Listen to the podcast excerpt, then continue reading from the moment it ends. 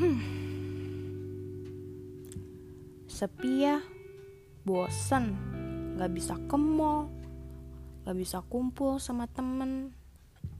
Jadinya aku rindu, rindu kepadanya, rindu dengannya yang selalu ada.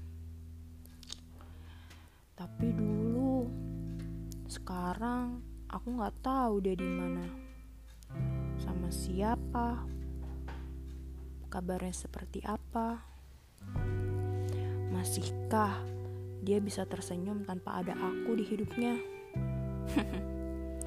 ya jelas lah kenapa juga dia nggak bisa senyum. Seseorang yang tak bisa aku bilang mantan. Tak sempat aku miliki, tapi aku menyayanginya. Seseorang yang bisa membuatku bahagia bahkan tanpa melakukan apa pun. Sebut saja ini cinta dalam diam atau cinta dalam hati, kayak lagunya Pasha Ungu. Aku heran kenapa mesti ada jatuh cinta kalau akhirnya patah hati.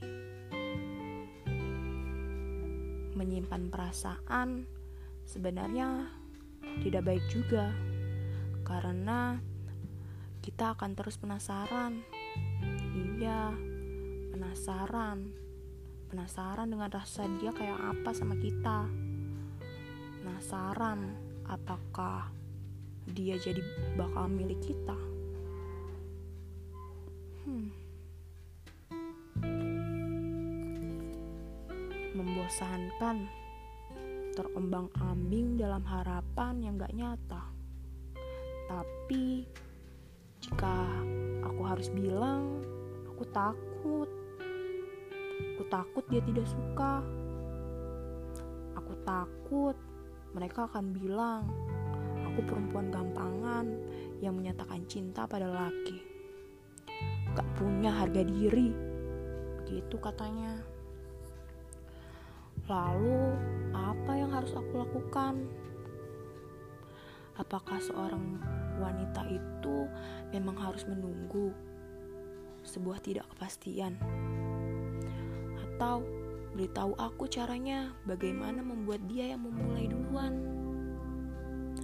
Kalau tidak bisa, lantas apa yang harus aku lakukan? Haruskah aku terus berdiam diri, terbunuh ekspektasi, dan hayalanku terus-menerus? Menjadi seorang yang overthinking pada suatu hal yang tak pasti, bahkan tak ada kepastiannya. Apakah aku berarti untuknya? Apakah aku satu-satunya untuk dia? Apakah dia rindu aku seperti aku merindukan dia? Terus saja seperti itu Pertanyaan yang ada di benakku tak henti-henti setiap harinya. Tapi bila terus begini, aku tidak bisa. Bukankah bertanya itu lebih baik? Bukankah menyatakan itu lebih sederhana?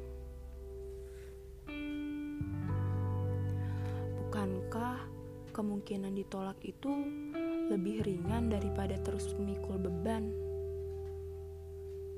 Bukankah ini hanya perasaanku padanya? Lantas, kenapa aku memikirkan kata mereka? Bukankah sakit hati sekali lebih baik daripada terus menahan sakit yang berkepanjangan?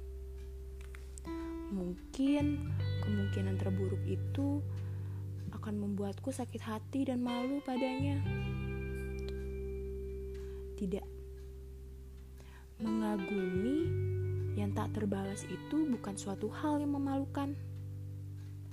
Anggap saja kita itu seorang fans yang mengagumi idolanya. Jika kita mengagumi idola, idola itu tidak harus mengagumi kita kan? Anggap saja seperti itu. untuk membuat kisah cinta ini tidak begitu ironi. Mulai menerima, kemudian menata hati yang hancur. Iya, hancur karena dia tidak membalas.